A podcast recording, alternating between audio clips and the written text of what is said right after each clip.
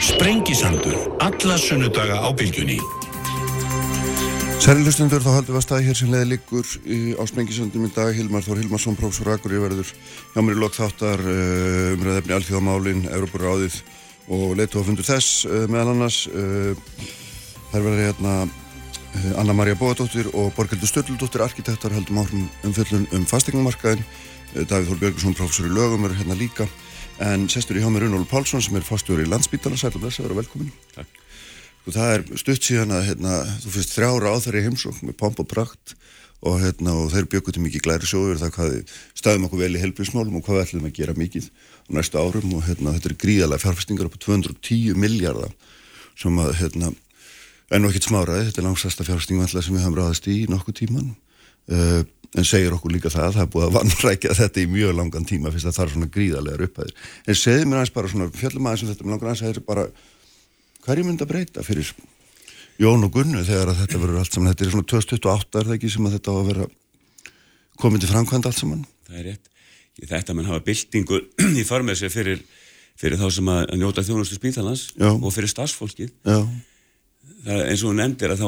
það, sko staðið yfir í langan tíma þessu undibúning Já. fyrir, fyrir byggingun í spítala og rauninni allt og lengi vissulega setti hrun fjármálakerfi sem strykir reikningin en sko þær bygg, húsakostu spítalans er orðin úreltur, ég meina flestar, flestar byggingar spítalans e, til og með svo ringbröðarsvæðin eru frá, því- frá því að það voru hannar um 1950 Mm.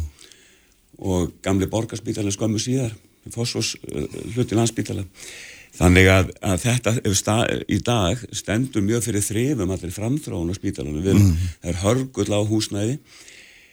Til að mynda einangrunar aðstæða sem að uh, háða okkur mjög í, í faraldri COVID-19 að hafa ekki einangrunar rými í dag að þá eru núntímali sjúkrahús búa yfir þannig rýmum meir og minna. Mm. þess að sjúkrastofur eru þannig þannig að, að það var mjög erfitt að spórna gegn útbreyslu síkingar eða smita ef, það, ef, ef þau bárust inn á, á deildi spítalans. Já, e, tæknileg framþróan sömu leiðis og svo bara í rauninni ný og ný verkefni sem að við þurfum sífælt að takast á við að við höfum ekki húsnæði fyrir það. Þannig að þess meðferða kjarnir rannsóknar húsið e, aðrar byggingar sem munur ísa munur hafi valda strömmkvarum í stafsemi spítalans og hafa gríðarlega áhrif á það þjónustu sem við veitum til þess betra mm. Þessi meðferðarkjarni sem þú ert að nefna það er auðvitað langstæsta verkefnið ekki satt Já. og það er einhvern veginn verður hjarta þessa þessa risastóra bák sem þú ætlar að reyna, reyna að stýra og maður einhvern veginn hefur stundum á tilfinninguna þessi erfitt að hafa yfir sín yfir alveg rétt og meina, þar verður sam, saminuð bráðamótök í rauninni mm. og ímis konar meðferðar e, hvað segja, tæknileg meðferðarúræði verða þar speklunar aðstæða, hjartaþræðingar svona skurstofur og svo legudeldi fyrir bráðveika mm -hmm. e, myndgreining og svo framvegis samin á einu staði, þannig að það skiptir greiðlega miklu máli og hefur, hefur hæðræðing í farmið sér líka en í rauninni þá var þessi kynning ráðferðan að mínum að þetta gríðarlega þýðingar mikið. Mhm. Í fyrsta lagi náttúrulega var þarna varpað fram uh, bara fjármögnun nýs landsbítala í heild.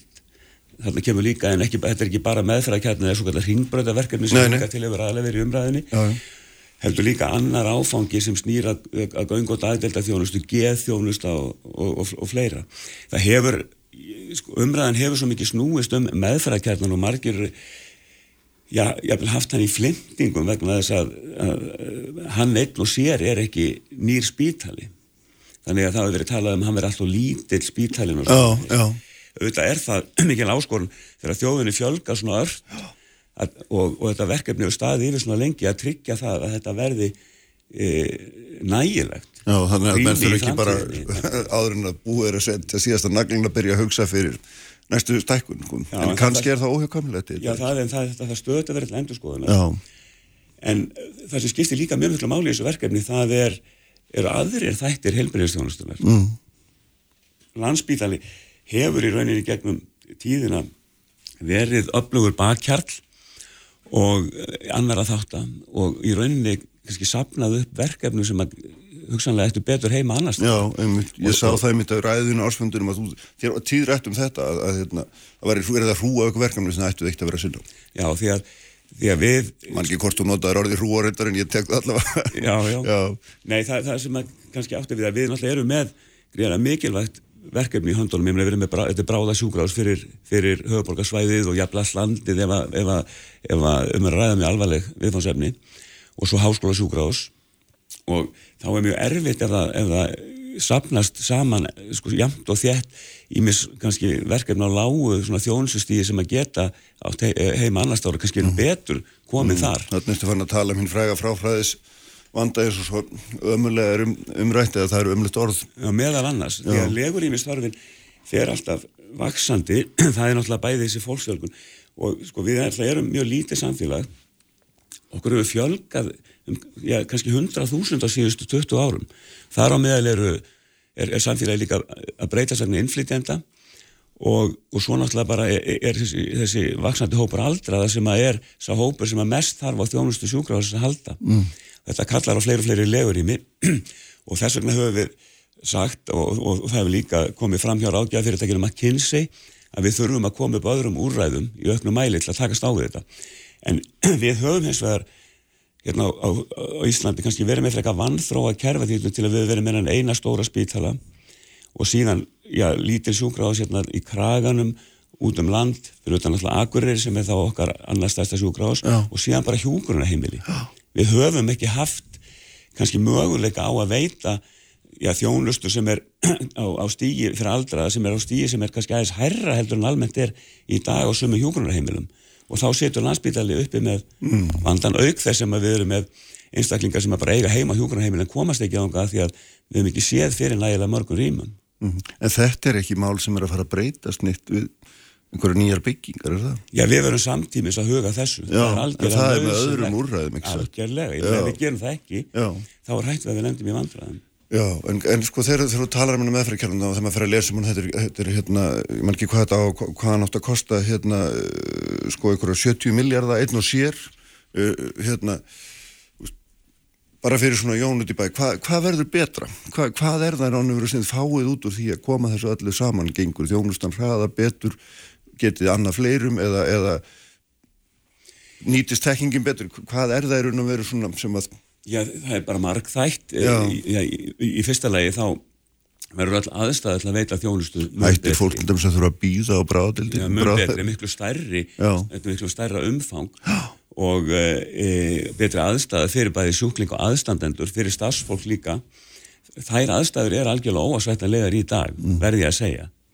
E, þannig að þetta breytist mikið. Síðan náttúrulega, sko, tækni, við erum að innleiða e, náttúrulega nýja tækni á öllum sviðum sem að hefur svona gengið kannski hægt hjá okkur bara líka, meðal annars vegna þess að, að við höfum staðið eftir alveg meira en verðandi húsnæði en svo líka höfum verið að horfa til þess að nýja spítala þannig við kannski haldið aftur Já. af fjárfestingum uh, þar sem við erum í dag sem að kannski mun ekki þá nýtast til framtíðar það er gríðarlega þýðingar mikið að það er fjárfestingar sem við förum í sem eru stórar að það muni nýtast á hennu nýja spítala mm -hmm. það verður mikil hagræðing fólkin í þess að koma allir þessari þjónustu fyrir á einu stað sem er, er er, er skiptildum sem heitir Ringbröður á Fosfós í dag og jafnvel víðar. Við lítum á rannsóknarhúsi sem er líka mikilvæg eininga, það samin við alla rannsóknarstað sem er með miklum samþæktingar áhrifum og mikilvæg hæðræðingu við þurfum ekki að vera með vakt þjónustu bæði á Ringbröður, Fosfói á mörgum sviðum eins og er í dag. Og, og svo er náttúrulega að horfa til framtíðar þannig að það verður e, aðstæða þarna til að mæta, hvað er að segja tækni þróun sem að mun eiga sér stað á komandi árum. Mm e, á, á margvíslegan máta.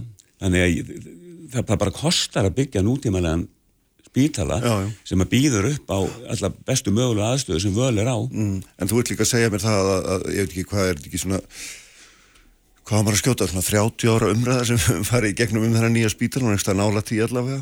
Ég meina innlegging nýra tækni, snjalltækni í helbriðisánustu hefur hún þá beði í raun og veru eftir því að, að það er því byggt húsnaði sem að getur hérna tekið á mótin ef maður getur orðað á þannig? Nei, já og nei, sko, kannski ekki svona þessari snjáltækni í samskiptum við sjúklinga og svo framvegis, mm. e, það er kannski önnur tækni þróun, róbótar og, og, og, og tækni sem er notað á skurðstofum sem að kannski við, hefur verið hægfara. Mm. Nei, en við kannski höfum líka verið lánsam, hafa ekki fjárfyrst mjög mikið í ímiðskonar hugbúnaði sem að hefur kannski ekki gefið eins góða raun annar staðar eins og vonast það hefur verið til. Áherslan hefur á undanföllum 10-20 árum mjög svo verið á ræðræna sjúkraska og uppbyggingu hennar og voru mikla vonir bundna við það að það myndi Já, já. auka afkvöst og annar.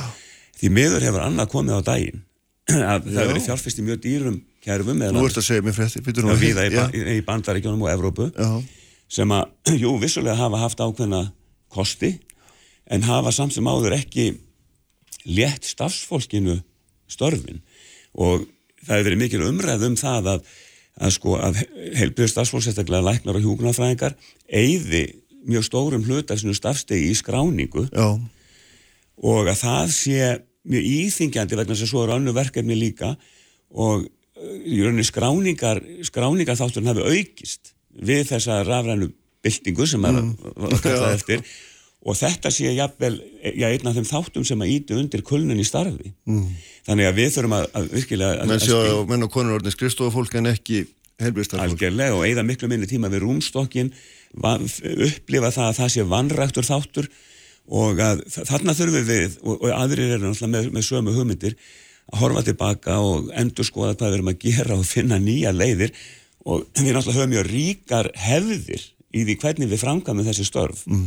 Og við höfum eiginlega tekið bara pappís nálgunina beint yfir í rafræn kerfi við þurfum að einhvern veginn að þróa líka byggja á gamlum hefðum en þróa áfram hvernig við framkvæmum þessa skráningu þannig að, að, að, að, að tími starfsfólksins nýtist betur. Já, en, en á móti ég maður getið sagt líka að góð skráning er náttúrulega grundvöldur fyrir því að það sé hægt að fylgjast vel með sjúklingum eða skjólstæðingum helbriðis hérna kerfisins. Algjörlega, við hvergi menn slá af. Já, og menn hérna sé ekki mætandi gangandi milli Peturs og Páls og þarna og byrja alltaf á núli. Við mögum hvergi slá ef í því Nei, og upplýsingar eru náttúrulega bara í rauninni forsenda góðs árangus, það er alveg rétt. en va, finnst þér þá, ert að segja mér að það sé skorti upp Já, höfum- eða hvað? Já, við höfum ekki náð að þróa okkar kerfi þannig að mikilvægur upplýsingar séu sko mjög aðgengilegar alltaf því að þær ná oft yfir löng tímabil. Það rannast upp gríðalegt magn upplýsinga í sjúkarsválkerfi hvers einstaklings, oft á tíðum sem hefur notið þjónustu lengi. Þessar upplýsingar þurfa að vera mjög vel sko, aðgengilegast að draga fram þessi skipti mála mjög einfaldan máta.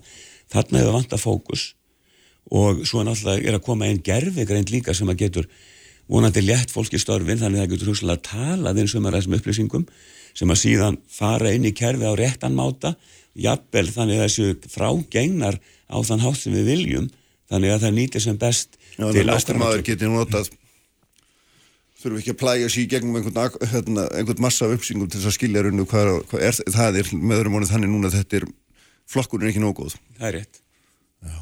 en hérna, sko, um leiðu úrst að tala um þetta þá, þá er náttúrulega mjög áhugavert það sem þú hefur verið að segja alveg frá því tókst við og ítrekka þér á fundinum, ársfundinum er, er mannekla og það, hérna, þegar maður horfir á steinsteipuna, þá er það eitt. Já, og þú segir, hérna, já, byrti mín að bara móttökunum minn minga, þetta verður allt miklu starra og umhásmera, en svo þarftu fólk. Algjörlega. og því skortir það, það er það sem þú veist að segja því, það bara Það er- vantar fólk í stórum stíl. Það er okkar stærsta áskorun Já. í dag og, og, og nýtt og, nýtt húsnæði af bestu gerð að það náttúrulega nægir ekki til að bæta upp eh, þá vöndun á, á, á, á leikir starfsfólki sem við stýðum við í dag. En e, það er samt sem áður skiptir með miklu máli, það má ekki bara segja að því að við erum að glíma við mikla manneklu þá, þá skipta þessar nýju byggingar einhver máli. Það er þvert á móti. Og ég held að að eh, sko, við þurfum alltaf að laða fólk til starfa og við þurfum að halda því við störf. Það, við, er, við búum bara við, við nýja tíma í þessu efni. Mannekla hefur hjá okkur hefur, hefur þróast kannski eins öðru vísin annar stað það er bara víðast hvar í heiminum er, er mannekla í dag við helbriðistjónustu kröfurnar hafa aukist eh, um, um, um gæði þjónustu og það kallar á meiri mannafla. Vinnutími hefur styrst. Við hér, hér á Íslandi við, við bættum ef, við, sem sagt, ef það var skortur á starfsfólki þá, þá bættum við upp bara með löngu vinnudegi hérna áður fyrr það er úr sögunni starfsumhverfið, starfsumhverfið inn á sjúkrahúsi til að mynda er orðið svo miklu meira krefjandi í dag að, að það er ekki hægt, jafnvel þó svo að fólk vildi vinna lengri vinnu, mm. þá er það eiginlega ekki, ekki bóðlegt og, og, og, og hægt á því að útkoma verði ekki eins góð. Þannig að við þurfum að, svo náttúrulega hér á Íslandi, ég held að, að, sko, að staðan hjá okkur sé að sumuleiti erfiðar en við að annars það er að því að á sama tíma og, og það var svona þessar breytingar af orði meðal starfsfólksins þá hefur fólki fjölgað mjög mikið. Já, hér á mjög já, stömmum tíma. já, já. og það er öldruðum líka jú.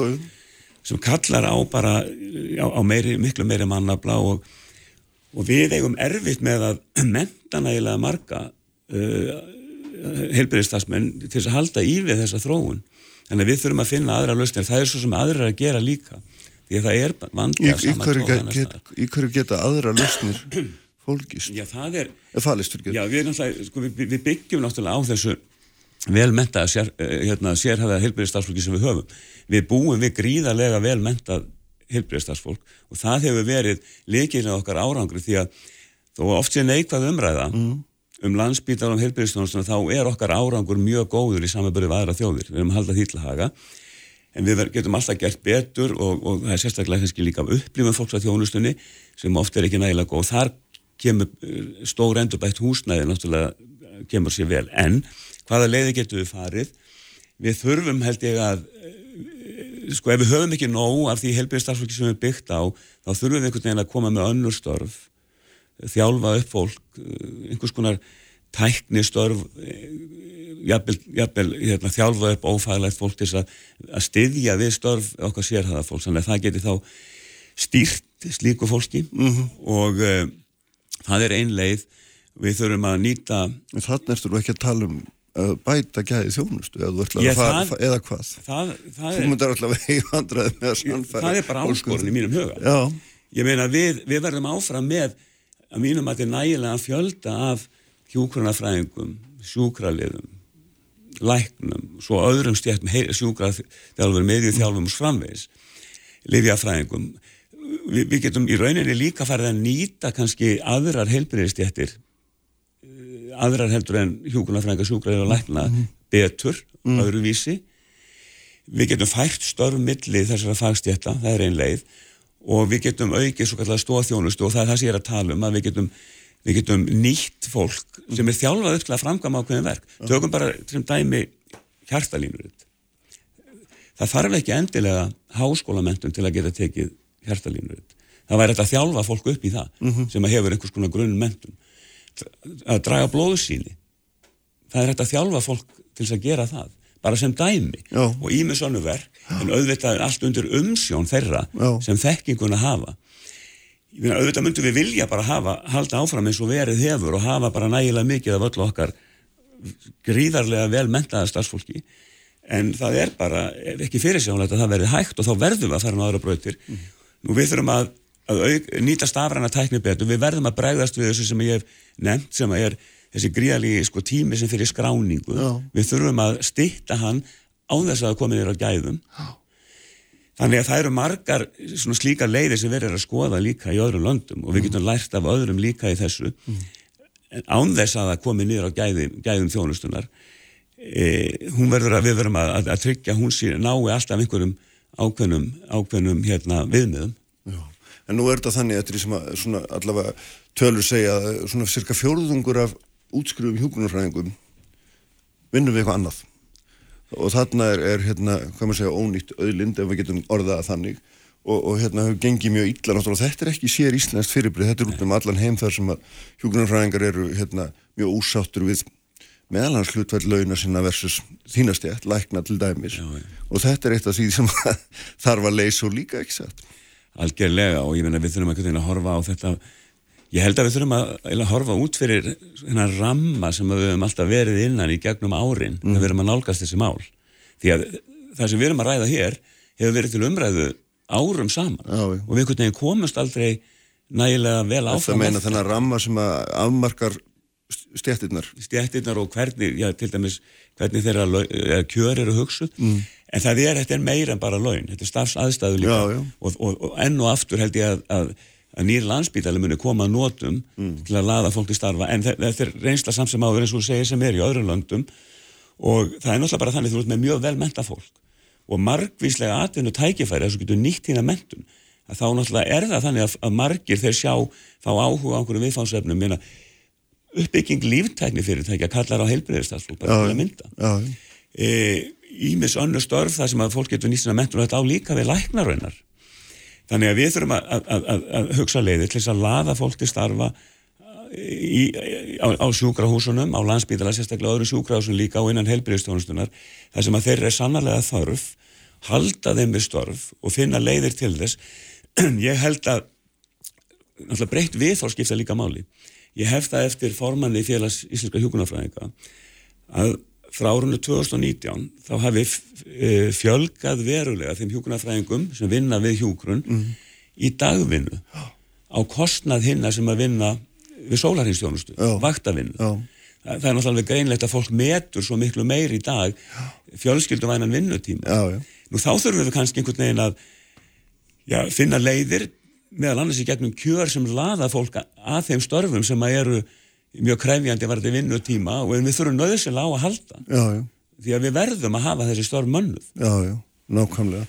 Og, og þarna, sko því að það, þetta er alltaf svo mikilvægt vegna að ég held að er ekki rétt að mér að cirka 80% af kostnæði landsbítalans er launakostnæðar, einhverstað minnar í því. Nála því kannski 75% já, já. eða þannig, þannig að þetta er í öllu tali um kostnað hvort sem þú vilt hækkanlega lækkan á er þetta eiginlega eina stærðin sem að skiptir einhverju raunvölu máli Alveg rétt, en svo ef við horfum á heil, sko, landsbítala sem náttúrulega mjög mikilvægur hluti af heilbríðsfjónustunni þá, þá, þá þurfum við líka að líta út fyrir Já. og horfa heilbríðsfjónustunni heild hún er hansi hólfaskipt við erum með, við erum með mikilvæga þætt, við erum með helsugjæsluna, við erum alltaf verið að byggja hann, styrk, byggja hann upp og styrkja sem svona grunnstóð í heilbríðstjónustunni.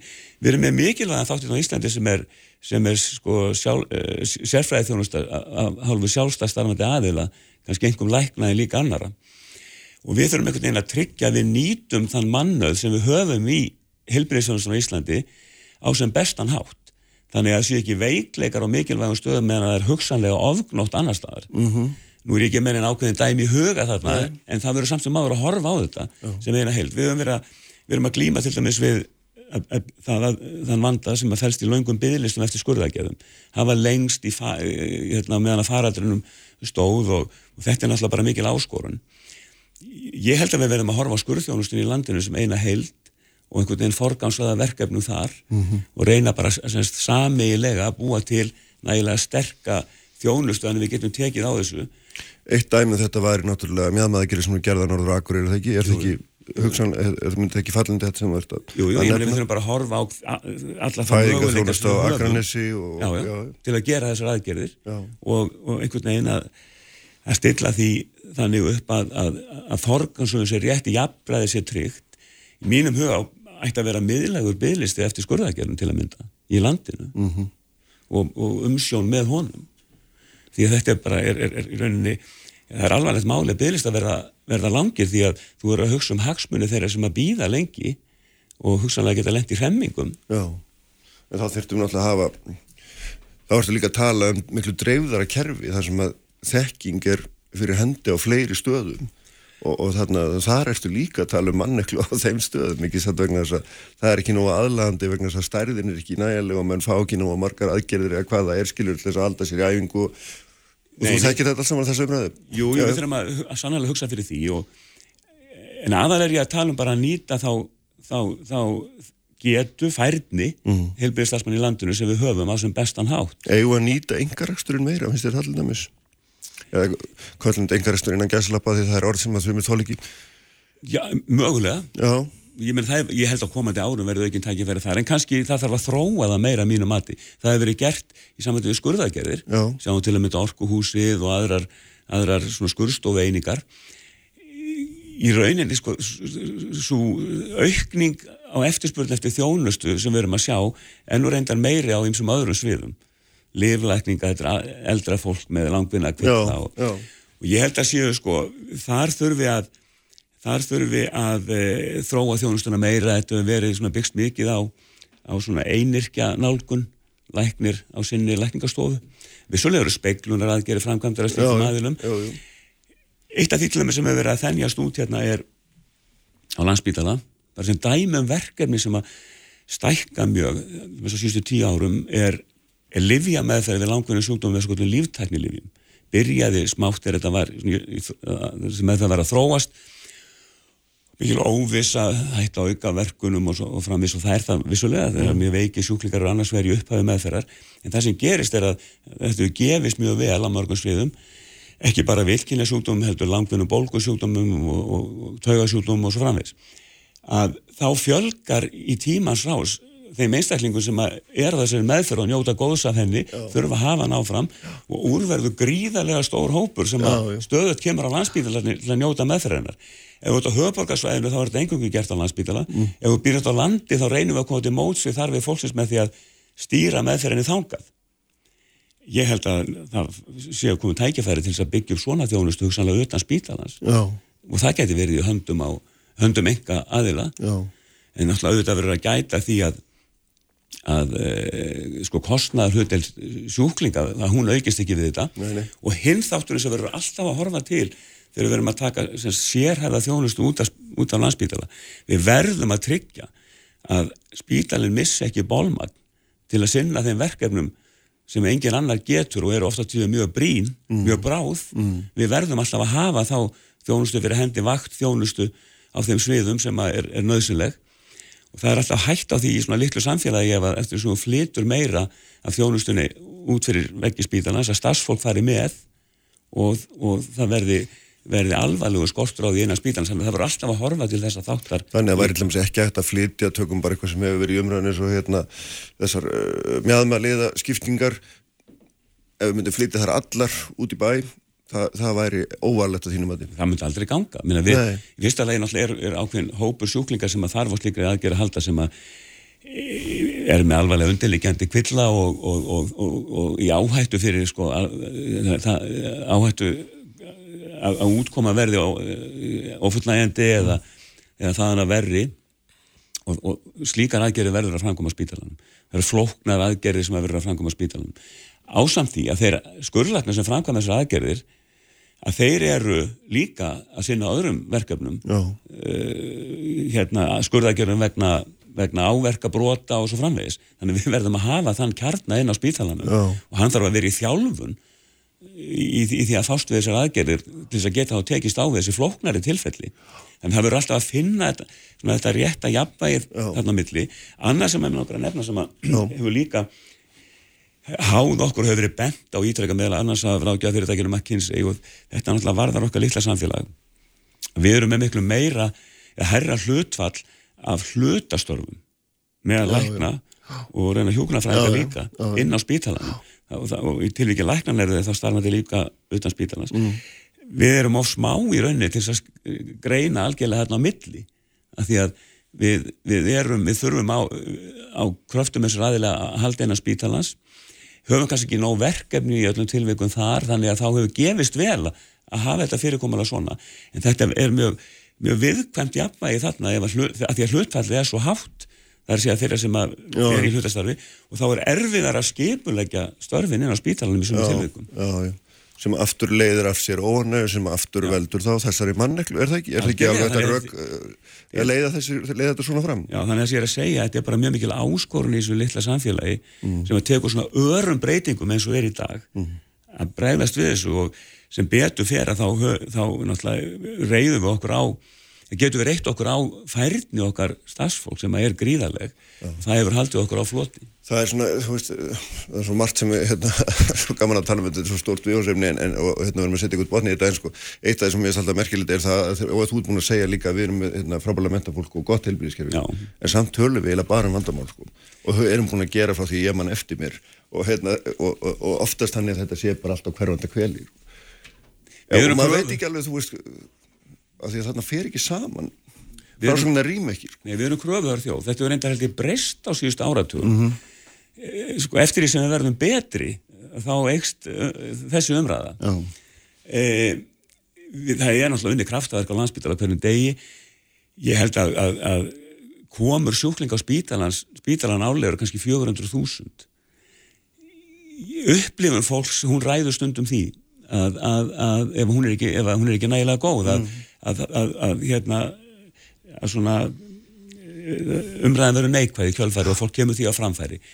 Við viljum að upplifunni sé góð. Við vitum alveg að það er margt að gera mun betur.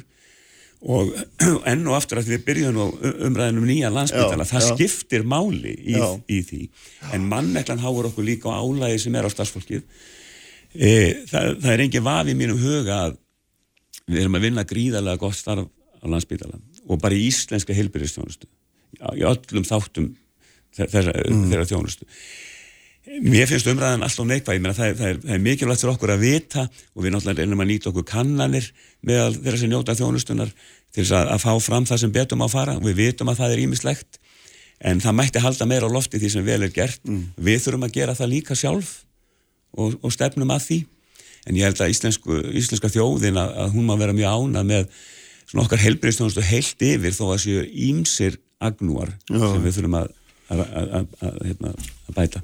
Eitt bara rétt í lokin hérna þegar við byrjum að tala um byggingarnar og þá, þá er það svona, ég raka í augunni þegar í skýslu hérna framkvæmdanendarinn eða stöðu skýslu hérna núna og það er, er umræðanum, það, það er húsnaði sem að verður tekið úr nótkunn sem mjög, mjög, mjög, merkild að það er nú hvorki, ég nefnum bara fósfóður sjálfur, borgarspítalinn sem við kallum nú í daglegu tali, það er líka landakot, þetta eru tvær risa stórar spítalabyggingar á íslenskar mælikvarði það minnsta. Og minna, þetta er, semst, er það markmið að þessar byggingar hverfi úr nótkun það hefur gert ráð. fáum árum í það er nú ofið sem er landakot það hefur verið sko, rætt um það í samanlega uppbygging á nýjum landsbítala hann verði á fremst. en, en um leið er sagt líka að þurfi plásvíðar og þetta er svona veist, á að byggja upp og Já, það hefur verið gert ráð fyrir því að fósfóri verði ekki hluti af nýjum landsbítala til framtíðar mm. og það náttúrulega ræðist af hlutverki spítalans hvaða þörf verður fyrir það húsnæði við höfum hort á hlutverkið og, og undir það tekur ráðgjað fyrirtækjum að kynsi að það þurfa sko í raunin að þrengja hlutverk spítalans ein, að við þurfum að einbjöta okkur meira á þessi stærri og viða meiri verkefni sem að krefjast, sem eru að hái þjónustu stígi á samt háskóla mm. og færa aðra þjónustu annað og, og þess vegna sé ekki þörf fyrir, fyrir fósfósbyggingarnar það, það, sko, það er eitt sem verður að hafa í huga að fluttningurinn inn í hér nýja landsbygðala verður rosalega stórt verkefni já, já. og við munum þurfa öruglega á fósfóinum að halda um skeið þetta mun taka tíma já. en það er náttúrulega líka verið að horfa til þess að nýta og þess endur nýja einhverju leiti eða endur bæta, skulum vorða það eh, byggingarnar á hringbröðinni en það sem ég vil kannski segja varandi þetta mm. að við höfum rætt um sko aðrar hliðar heil, sko heilbyrðistjónustan sem það líka horfa til í, sam, í sambandi við uppbygging á nýja landsbyggdala og það getur vel verið að það muni reynast þörf fyrir þessar byggingar í þjónustu á vegum annara í framtíðinni mm. vegna þess að eins og, eins og, eins og hérna, fjölgunin hérna, sem stöndur fram því fyrir Íslandu samfélagi lítur út á komandi áratögum að þá mun verða þörf fyrir meiri heilbreyðstjónustu af öðru tægi já, já. heldur en kannski þjóðasjúbráðs á að veita. Já, Það er náttúrulega hérna auðvitað og við erum búin að marknefna það er náttúrulega öldrunin sem skiptir auðvitað sjálfsagt mestu máli í þessu sko, er ekki 2053 þá verið 8% þjóðarinnar yfir áttrætt sem alveg er alveg ótrúlega tala sko. Alveg rétt. Herrið Runól, takk fyrir að koma, ég verðum að setja punt, punktinn hérna. Uh, og uh, Davíð Þór Björgvinsson verður hérna hjá mér eftir augnablík Uppspretta frétta á Sprengisandi á Bilginni Sprengisandur, alla sunnudaga á bylgjunni. Sælir aftur, hlustendur, uh, Rúnúli Pálsson, fórstæri landsbytjarnas farin frá mér, Hilmar Þór Hilmarsson, prófessor, Háskólinu Akkurir verið hérna í lokk þáttarfjöllum þá um alltíðamála eins og við gerum gætnan, það er verið hérna líka Anna-Maria Bóttóttir og Borgaldur Sturldóttir arkitektarfjöllum þá um fastegnamarkaðin hér á eftir í framhald af umræða sem verið hefur í gangi undarfarna vikur. En sestur ég hafa með Davíð Þór Björgvinsson sem er auðvitað prófessor í, í lögum, sæla blessaður og velkomin. Sæður. Sko, hérna, tilipni komið þinnar er, er umræða um, um frumvarp til laga uh, það sem, að, hérna, uh, sem varða framkvæmt EES-samningsins mm -hmm. og hefur vakið miklu umræðu og, og hérna, þetta, er, þetta er breytinga og orðalagi í texta sem að innleiðir bókun 35 svo þetta sem nú hérna, sagt er það ekki nokkur með einn rétt og, og hérna ég, það sem ég langar að þess að fá þetta fjalla það er tölur umræðan um það hvort að þessi breyting valdi einhverju skerðingu á sjálfstæði, sjálfstæði domstóla, sjálfstæði þingsins, fullveldi, lands og þjóðar og svo framvegis, stór hugtök sem verður að nota í kringum þetta mm -hmm. uh, og hérna, og, og svona og þá vaknaði þetta þessar spurningum skörun innlendra lögjafar versus þeirra eurósku lögjafar sem við þurfum að innlega samkvæmt þeim samningnum sem við höfum nú undir gengist á fúsum og frjálf sem vilja exakt. Já Þetta var langur og góður yngangur, hvað ættu að byrja? Já, ég held ég myndi bara vilja byrja á því sko að rifja aðeins upp uh, hérna uh, þegar að uh, þegar að hérna eða samningurum var í undirbúningi, hann tók hann að gildi 1993 eins og meðan þekkja, ótrúlega langur tími síðan en hérna það sem að þetta snýst um er það að sko þegar að Íslitingar sóttist eftir því að komast inn á þennan sameigilega európska markað með núna Európusambandið á sviði fjórfrelsisins þá hérna þá var gengið inn í það samstarf en það var alltaf forsenda að sko þetta er því gert með þeim hætti að e, þetta rúmaðist inn að stjórnarskrár Íslands og norðmenn voru mjög uppteknir að þessu líka en kannski aðra þjóðir, það voru svíjar og, og finnar þarna síður en allavega sko þá þá letið þetta til þess að það var búið til þetta sem kallað er tveggja stóða kerfi. Og það miðar að því að Íslitinga takir þátt í þessu markaði og hérna að á Íslandi gildi sömu reglur um þessa hluti sem að hérna, fjórfræðsisregluna taka til.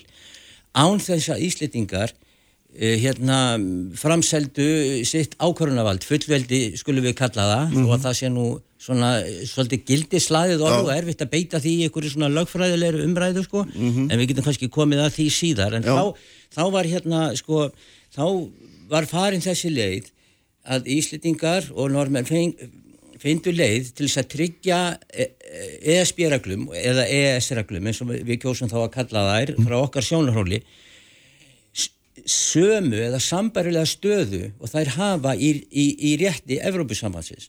Það er aðstæðan svo að stopnarnir Evrópusambansins hafa fengið vald til þess að taka ákvarðanir og setja lög sem fá beint lagagildi í aðaldaríkjónum. Mm -hmm. Þeir eru líka með domstól sem hefur yfir þjóðlegt vald og, og, og, og svo framvegist, tekur þarna e, bindandi ákvarðanir. Við ætlaðum að taka þátt í þessu án þess að framselja vald til sameigilega stofnana. Og hérna þá verður til þetta tveggja stóðakerfi sem að hérna sko gengur út á það að það tekur engin lögjöf gildi á Íslandi í gegnum eða-samningin nema hún hafi sko verið síðan innleitt eftir stjórs, með stjórnskipilegum hætti hér á landi Er gegnum alþingi böður vonum? Já, það er þá gegnum alþingi Já. eða eftir aðtökum þetta er gert með almennu stjórnstíslu fyrirmælum með reglugerðum og svoleiði sem að ráð þeirra setur en það er þá litið svo á að það sé laga heimilt fyrir því sko. Mm -hmm. Þannig að við, Íslitingar tryggja sér þetta með því að þetta, þetta tekur ekki gildi á Íslandi nema í gegnum þessar íslensku stopnannir. Þannig að hérna, en það er ekki nóg að sömu reglur gildi heldur þar líka að tryggja að það séu framkvæmdar með sama hætti og þar kemur þessi bókun til skoðunar sem Já. var sett strax vegna þess að Íslitingar hérna, þetta var vandræða mál hvernig að koma þessu við en það var gerð þessi bókun sem að gengur út á það að uh, aðeldaríkin eða samningsríkin skuldbindi sér til þess að tryggja ES-reglum forgang það er að segja þá erum við að tala um ES-reglur sem eru komunar til framkvæmda það eru svona ákveðin skilir með þessu mm -hmm. og það er í sjálfu sér sko í því fælst ekki bein skilda til þess að innlega lög með þessum hætti eins og verið er að leggja til. En uh, það var í sett uh, á sínum tíma regla sem að gengur út á það að það er að tólka íslensk lög til samræmis við þessa hérna uh, ES-reglur sem að eru komnar til framkvæmda. Reynslan sínir okkur það að það dögði ekki til Ég skrifaði nú sjálfur greinum þetta fyrir næstu 30 árum síðan þar sem að ég var að benda á það að mögulega væri þetta vandamál í fremtíðinni. En menn þannig út í Európa hugsa praktist, meðan þetta virkar, þá bara virkar þetta. Svo koma upp mál þar sem að þetta virkar ekki og það kallar á það að það sé sett skýrari regla um forgang. Mm. Þannig að þetta er í rauninni, það eru engin ný tíðindi hérna á ferðinni og það er ekki í mínum hugan einn frekari skuldbinding eh, sem í þessu fels núna, þetta er búið að vera þarna, þessi bókun er búið að vera þarna í 30 ár og við innleitum hana með ákveðnum hætti og reynslan hefur sínt okkur það, það var ekki það, það dögir ekki til að tryggja þessarklum uh, eh, forgang þar sem það á við mm -hmm. og, og þegar þú ert að nefna þetta tryggja þessarklum forgang þá, þá er fyrst og næst verið að tala um það ef ég skildar rétt að, að þeir sem eiga að njóta þeirra annar staðar, Íslandingar Já. þeir fái sama rétt og aðrir og þeir sem koma að hinga, er, er, þetta snýst um rétt einstaklinga til þess að, að fjórfélsi virki fyrir þá, er það ekki? Jú, það, það, ég, hérna, það hefur, sko þetta með, með réttindi einstaklinga, það mm. hefur fyrðulega lítið farið fyrir því lengst af í umræðinu, þannig að nálga þetta, nálgast þetta eins og, sko við talum fullveldið, við erum íslendingar og, og við tilhörum sömu þjóð og, og af því er dregin svo álöktun að við höfum einhverja svona samiðilega óskilgrinda hagsmunni sem felist í því að útlýtingar sé ekki að skipta sér að því sem við erum að gera mm. en þetta snýst í rauninni ekki um það heldur snýst um það sem þú ert að nefna við kjósum að það eru fjöldi íslýtingar sem flyttur til spánar hann er að neyta réttinda samkvæmt ESB-reglum eða ES-reglum mm -hmm. eftir mhm. hvað þú vilt kalla þetta og sama er með útlýtingar sem koma hingað og, hérna, og þetta snýra réttindum einstaklinga til að vera virkir þáttakundur á þessum samiðilega markaði. Þa, það er í raun og veru grundvallara atriðið mm. Og það sem að mér hefur fundist svona hér síðar ára að vera svolítið sérkennilegt er að þegar menn er að bera fyrir sér fullveldi í þessu sambandi sko þá, þá er svona þá, er, þá bera menn fyrir sér fullveldi til þess að raukstiðja það að við sem íslendingar eigum ekki að njóta einhverja tiltekina réttinda það er, það er mér, finnst, mér finnst lengi hafa verið ákveðin þversögn í þessu mm -hmm. en ég ætla samt ekki að gera lítið úr því sko að, að fullvaldið í sjálf og sér, það er mikilvægt sko, ég meina intak þess og, og hérna það, það er auðvitað felur í sér sko, það er þegar við erum að tala um fullvaldið, svo ég haldi nú bara áfram Já. að hérna þá þá er talað um sko innra fullveldi annars vegar og ytra fullveldi hins vegar. Og þegar með innra fullveldi við horfum bara til 1918 það er ekkert svo langt síðan að við heldum upp á 100 ára amali fullveldis og reyfja það upp það fólst í því áskilnaður okkar um það að ráða okkar innri málefnum sjálf. Ytra fullveldi týðir það að önnu ríki viður kenna rétt okkar til fullveldis og til að ráða eigin málum. Það er líka sko þannig að ég, ég tel að í gegnum EES-samningin þá, þá sé engin vafið um það að, að hérna við njótum ytra fullveldis. Þar að segja ef við gerðum það ekki þá væri við ekki gildir samningsaðilar. Mm -hmm. Önnur ríki við, viður kenna okkur sem fullvelda ríki ytra fullveldi og þess vegna getum við gert samninga við þá.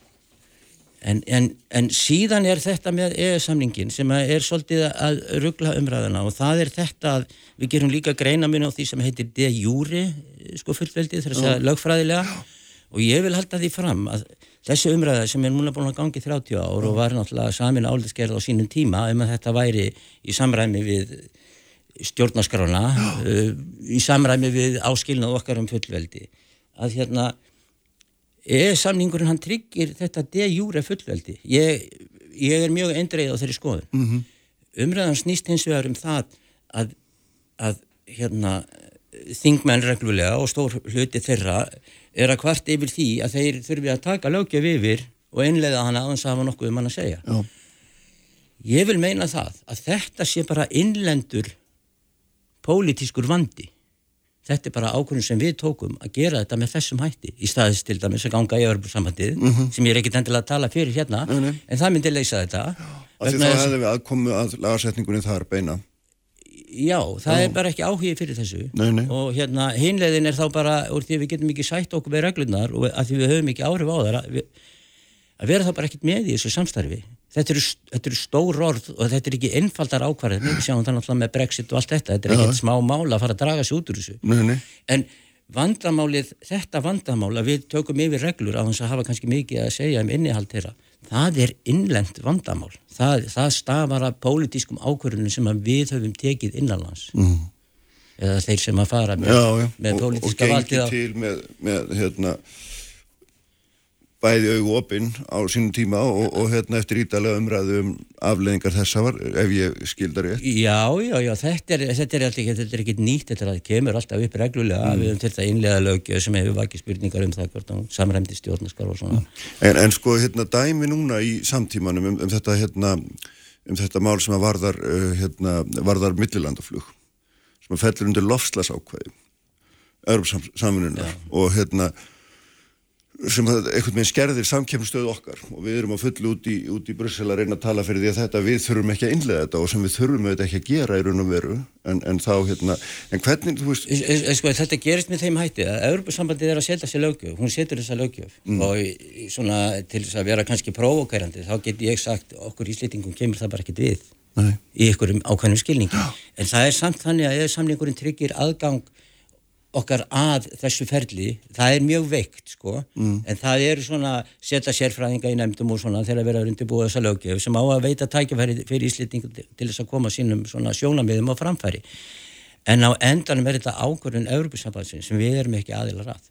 Síðan er það annað mál að, að það þarf að þegar búið Európusambandið hérna er búið að samþykja nýja lögjöf þá þarf að taka sérstakka ákvörðun um það hvort að hún sé sagt, relevant fyrir EES-samningin og þá er það sameinlega EES-nefndin sem er hérna starfar út í Bryssel sem tekur ákvarðun um það. Það er eiga Íslendingar sæti og allt þetta sko. það er ekki vandamáli -hmm. það er tekin ákvarðun um það að taka gerðina upp í EES samningin af því leiðir skildan til þess að hérna innleiða hana í íslenskan rétt. En þá er búið að meta það svo að hún sé EES relevant.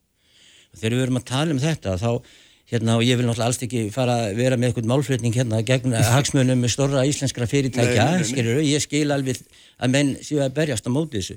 En við þurfum líka kannski að hafa í huga sko að íslensk flugfélög njóta líka góðs sko af þessum sameiginlega markaði. Þannig að þetta er ekki sko þú getur mögulega litið á þetta sem ákveðnar skildur sem fylgja þeim rétti. Mm. að geta ópererað á þeim markaði. Þannig að þetta er örgulega flókið reikningsdæmi sko. En ég Ég er alltaf ekki að gera talsmaður þess að hvert skipti sem að Íslendingar andmæla lögjöf og eru svona að reyna að búa sér til einhverja stöðu í þegar þessi lögjöf og þessar reglur verið til að það sé allt, það, það er bara eðlileg sko hagsmuna eh, svona eh, barátt að getum Já, við sagt það sem rúmast já. innan alveg eðlilega stjórnmála Já.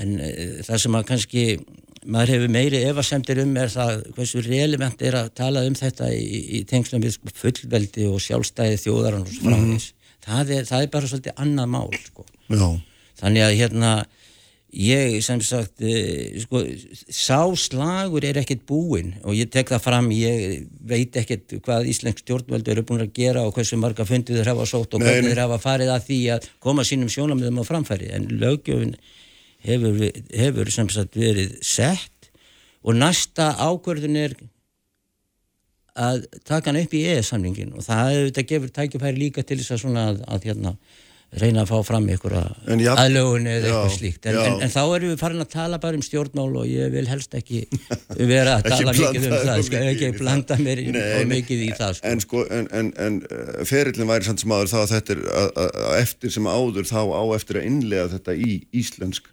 lög ekki satt og þar höfum við alltaf það valda á alþingi að segja nei, ekki rétt? já. Já, ég jure sko hvað er, það, þú veist, hvað er hægt Pólitíst, það Já. er kannski stundum svolítið annar mál, en já, það er rétt sem þú segir.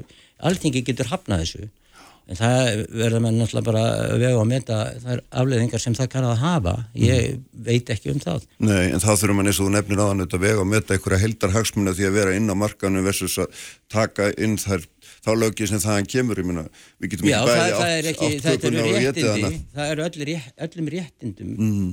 fylgja skildur. Þetta er aldrei neitt eh, alveg ókeipis, myndi ég ætla. Er, er hérna ótvírætt í þínum huga sem við skoða þetta svona mörg ára að hérna því það er líka alltaf um, umræðan, það var auðvitað sínu tíma að, að ES-samningurinn hann, hann standist stjórnarskrá lífildisins Íslands. Já, ég, hérna, það, þetta var hérna, ég sko byrjaði að, hérna, upphaf þess að ég fór að hugsa um þetta er það að ég var fengið til að halda fyrirlestur um nákvæmlega þetta, hérna, mm. Hótel Sögu, það var svona eh, borgarafundur sem var haldinn í, í samstarfi við Ríkisútarpið og hún var útvarpað eh, og þarna komu nokkur svona aðilar sem hefðu verið að skoða þetta og mínið stað sá uh, þá var svo að þetta væri hægt að gera þetta mm. án þess að breyta stjórnarskránni það var þannig sem að þessi spurning var sett Já. fram á þeim tíma Já, og hérna, ég eh, hef frekar styrst í þeirri trú heldur en hitt sko. Ég er meira að fara að horfa á þetta út frá þe- þeim réttindum og þeim tækifærin sem þetta skapar fyrir Ísletinga að fá að vera með í þessu samstarfi. Samkvæmt eigin ósk, það hefur enginn þvingað Ísletinga til eins eða eins í þessu. Nei. En ef það ætlar að vera með, þá verður að fylgja sömu reglum og við getum notast bara sem hliðstæðu sko, þegar við tökum þátt í fótballtakefni, alþjóðlegri, einsmjöstarakefni eða Evrópukefni við, við hljótum að gera það þeirri fórsendu við séum að fara eftir saminlegum reglum er það ekki, þetta er þetta kannski annað, þetta eru, veist, þetta eru kannski alvarlegri hlutur, Já. Að, að, veist en við getum nótt, samt, nýtt þessa samlíkingu sko, að Mhm. ef við ætlum að vera á þessum sameiginlega markaði, þetta er líkil hugtæk að það, hann er einsleitur, það er að segja að það gilda allstaðar sömu reglur, Já, það þarf að túlka þær alveg eins og það þarf að tryggja það að þær gangi þá fyrir og það eru öll ríki þetta, þetta, eru alls konar flækjur í þessu og þetta gengur ekkert alltaf vel en þetta er svona grunn hugmyndin Já, já. og öll ríki hafa undirgengist þetta sem er í Europasambandinu, Europalögjöfin gengur fyrir og það er regla sem var mótuð af uh, Europadómstólunum Já, og það var lögð áherslu á það að hálfu Europasambandsins að við myndum finna einhverja leið til þess að tryggja það að þessi regla gildi líka á Íslandi. Já, og það er þetta og það er þetta hérna bókun 35 Já, og sem að þú ert að segja mér að þú tellir með þeim breytingum sem verður að gera á henni núna sé í raun og veru engin, engin eðlisbreyting eða Nei. einhvers konar opnari aðgangur fyrir Európulu eða hvað sem ég á að, hvernig ég á að koma orðum að því heldur um verið hefur. sko þetta að greiða fyrir því að markaðurinn virki og það já. réttindin virki sko, já, þannig að já. það er í sjálfu sér sko ef að þessi já ég myndi halda sko þú veist sko að, að það geti haft breytingar í för með sér en það, það er ekki fullveldisframsal.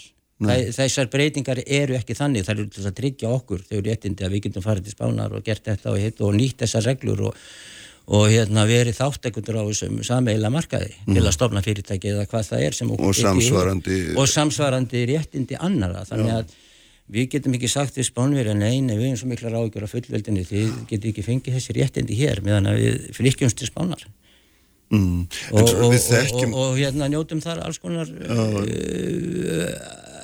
réttinda getum við sagt sko sem að eh, eru sótt í þessar sameiginlegu reglur en við þekkjum nú samt sem áður úr Európa-samastæðinu til dæmis bara reglur dana um hérna, kaup þjóðveri á sumarhúsum Já. sem er settar eru bara öðrum megin frá til þess að hamla gegn ströymi Já, en, ég held að þjóðveri hafi engar reglur um það að Danir mikið kaupa sumarhús í Þýskalandi ég reikna ekki með því Nei, það er þá bara þeirra ákvörðun sko. Já, ég segi það. það. er ekki, þú veist, en, en ég, ég hygg nú sko, ég man nú ekki alveg hvernig þetta var til en ég held að nei. hafi fengið þarna einhverjar undan þá Já, sko. Þannig að þú veist, þetta er allt löglegt sko. Já, já. Uh, Þjóðverjar þá vantanlega sko er ekkit inn einum hemdarhug og vil ekkit hafa sambærilega reglur hjá sér, það er bara þeirra, þú veist, ég, það eru líka forsendur svo- sem að já. búa baki svona undan þáum og svo framvegis og hvort það eru gagkvæmar alveg skilur það veit ég auðvitað ekki, ekki en nákvæmlega. það er greinlega einhver sveigjanleiki innan þessa Já, það er til að mynda eins og með þessar losunarheimildir Mm. að það eru náttúrulega það eru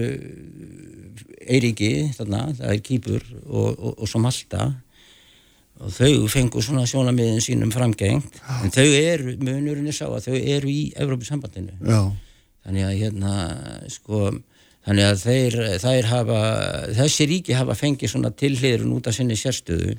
Og maður gæti ætlað sko að, að sambærilegt hefði þá verið talið eiga við um Ísland en það reynir ekki á það því við erum ekki í nei, og ég ger enga og sendi það þá að menn séu að berjast gegn þessu þeir anstæð þeirra hagsmunum en það breytir ekki þessu grunn eðli þessa samstarf sem við þurfum að hafa sömreglur Já, já. og þeim sem beitt sama hátt og svo framvegis.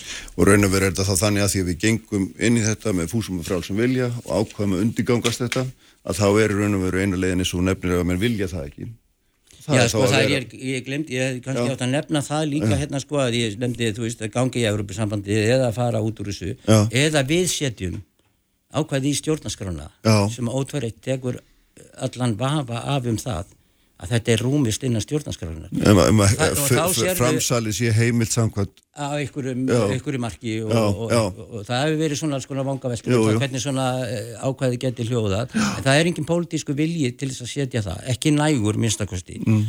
og þar við auðvitað setur sko. En, en, og það er þetta sem ég á við með pólitískan vanda. Þar að segja, það er ekki samstaða um það að fara leiðir sem getur mögulega leist úr þessum ágreiningi og þar við sittur og við höldum alltaf áfram að hjekka í samanfarinu að alltaf þegar kemur eitthvað upp og við erum ekki sáttið að þá þarf að fá okkur að sérfræðinga til þess að semja álitsgerð og, og, og, og þingmenn taka þá ákvarðanir í skjóli þeirra sko Mm. það, það, það er svona þetta, þetta hefur gengið svona í aðalatriðum og kannski getur það bara gengið svona í 100 ári viðbútt ég, ég skal ekki segja Nei, nei. en, en, en, en þe- þetta er í raun og veru frá sjónarhóli Európusambandsins okkar vandamál þið verður bara að tryggja það að reglurnar hérna virki hvernig þið farið að því bara það er ykkar að ákveða Mm, já, ljómandi gott. Davíð, innilega þakki fyrir komuna. Það eru hérna hjá mér Anna Maria Bóðadóttir og Borgildur Sturldóttir og eftir þá fjöllum við fastegnumarkaðin.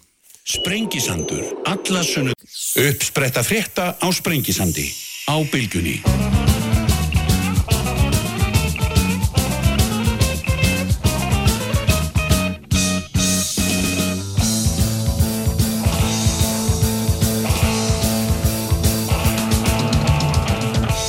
Sælir aftur, hlustendur, góðir, uh, Davíð Þór Björgvinsson farin hérna frá mér, uh, Hilmar Þór Hilmarsson verður hér í lokþáttar, uh, prófessor Akureyri fjöllum það um alþjóðamálinn, þær eru sestar hérna hjá mér arkitektarnir Anna Maria Bóðadóttir og Borghildur Sturludóttir, sælar og blessaða báða, það eru velkomnar.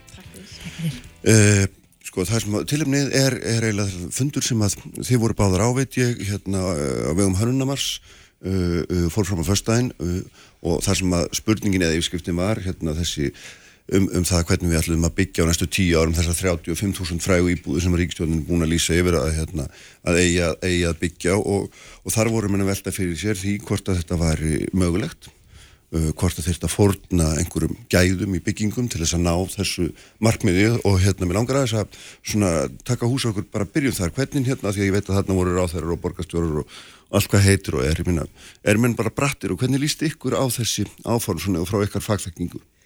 Já, þetta var allavega mjög góður fundur, mjög jákvæða fundur og náði svona alvöru samtal uh, og kannski að- náði svona árangur því að, að beina kannski fókusnum fyrst og fremst frá, eða frá því að það væri að tala um magnið og, og hraðan og tíman sem sannanlega er innbyggður í þessu hugmyndu 35.000 íbúur á, á, á tíu árum.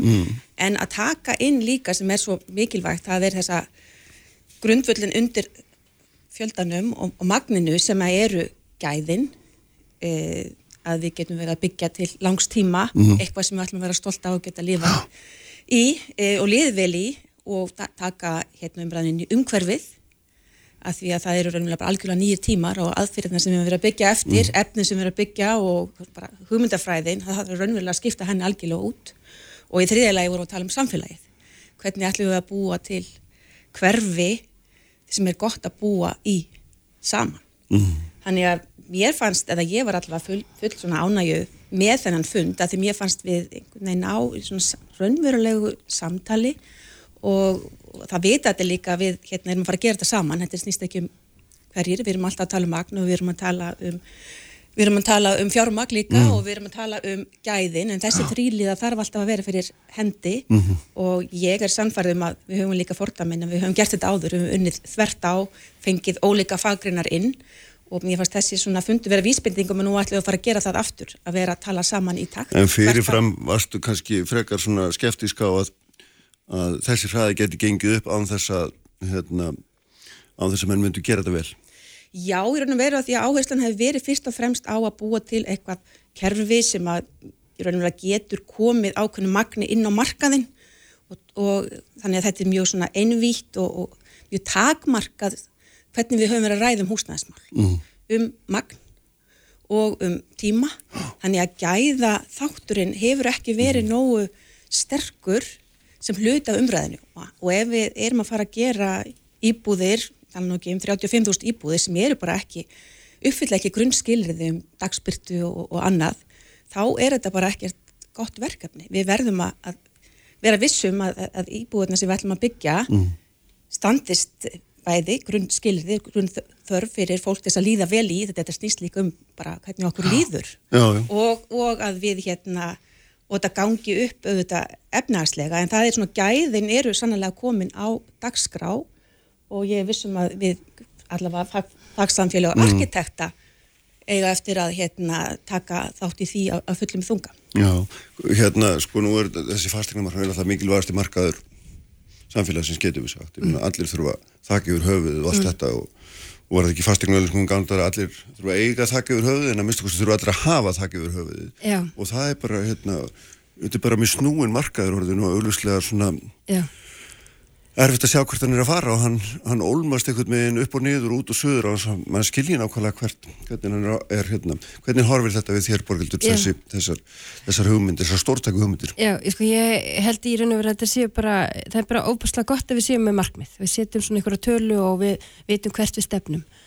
En svona hvernig við stefnum þarna það er kannski það sem við erum að reyna að kalla eftir vegna þess að nákvæmlega svo komst inn á að eiga þakk yfir höfuð er kannski svolítið uh, já, úrælt hugmyndafræði það er í raun og veru bara hvernig tryggjum við þessi mannréttindi Já. að eiga aðgang að þækjur höfuð og þar erum við kannski að horfa til þess að, að það eru náttúrulega bara búin að vera þessi sterku fjárháslega hagsmunni sem hafa styrt því hvernig við búum í samfélaginu og við erum að kalla eftir því að það sé að, að þetta þessi umræða farið aðeins herra upp og, og höfum þá verið að sannarlega því við erum nú mjög mörg flest mentið erlendis og höfum verið að starfa erlendis líka þá Mm. eru vísar að því að það eru verkfæri sem að Norðurlöndin til að mynda er að nota sem að við erum að kalla eftir að séu tekin inn í umræðinu hér Já, og langar mig þá að benda, eða tala sérstaklega um þetta svo kallega Karlsberg ákvæði sem hefur ekkert með bjóra að gera bara svo það sem sagt. Þetta hins vegar sprettur upp úr hverfinu, Karlsberg hverfinu þar sem að bjórverksmiðina voru Já. á sín tíma og var til þess að, að eh, dönsk hana, dönski yfirvöld, ríkið sem sagt, setti lámarskröfu um blöndun í hverfum. Og þetta ákvæði núna er inn í samræðskátt hjá okkur en sem val. Þetta er í raun og veru vísirinn er búin að vera í Reykjavík og borg sem innviða samningar og göld en, en, en, en á meðan þetta er bara sem val á meðan að, að, meðan að við séum hvað áttu nákvæmlega við með blöndun í þessu Já, þá, sammingi? þá er ég að tala um það að, að Karlsberg ákveða til dæmis tekur á að það sé 25% íbúða þurfa að vera á almennum legumarkaði mm. eða sérst í almennis húsaflið eins og við erum að vinna með í dagvarandi bjarg og annað slíkt. Og 5% þurfa síðan að vera bara fyrir tekjulá og hópa hvort sem heitir félagslegt úrræði eitthvað slíkt, þú veist það er svona hvert fyrir eftir í hvernig við kallum þetta. Þannig að þá er strax búið að segja ok, 30% þarna sé uh, ekki á engamarkaðanum Við vorum að koma frá Helsingi þar síðustu viku, þeir eru að vinna með til að mynda í hverjunum sínum sem þar sem þeir eru líka að, að þjætta og nýta, nýta innviði betur.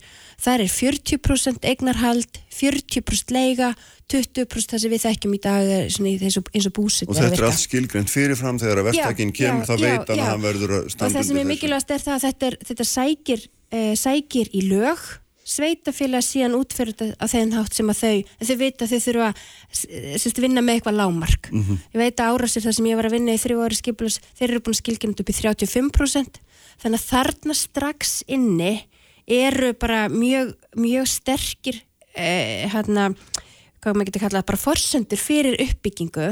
Og þetta er ekki að hamla neitt uppbyggingu, þetta er bara að gera það verkum að, að þarna fer að stað er vitað að það verður fjölbreytileiki til staðar. En þetta er notabene sko gerum alveg greið fyrir þetta svona hörð pólitískur vingill hvernig, hvernig borg og bæ eru að byggja?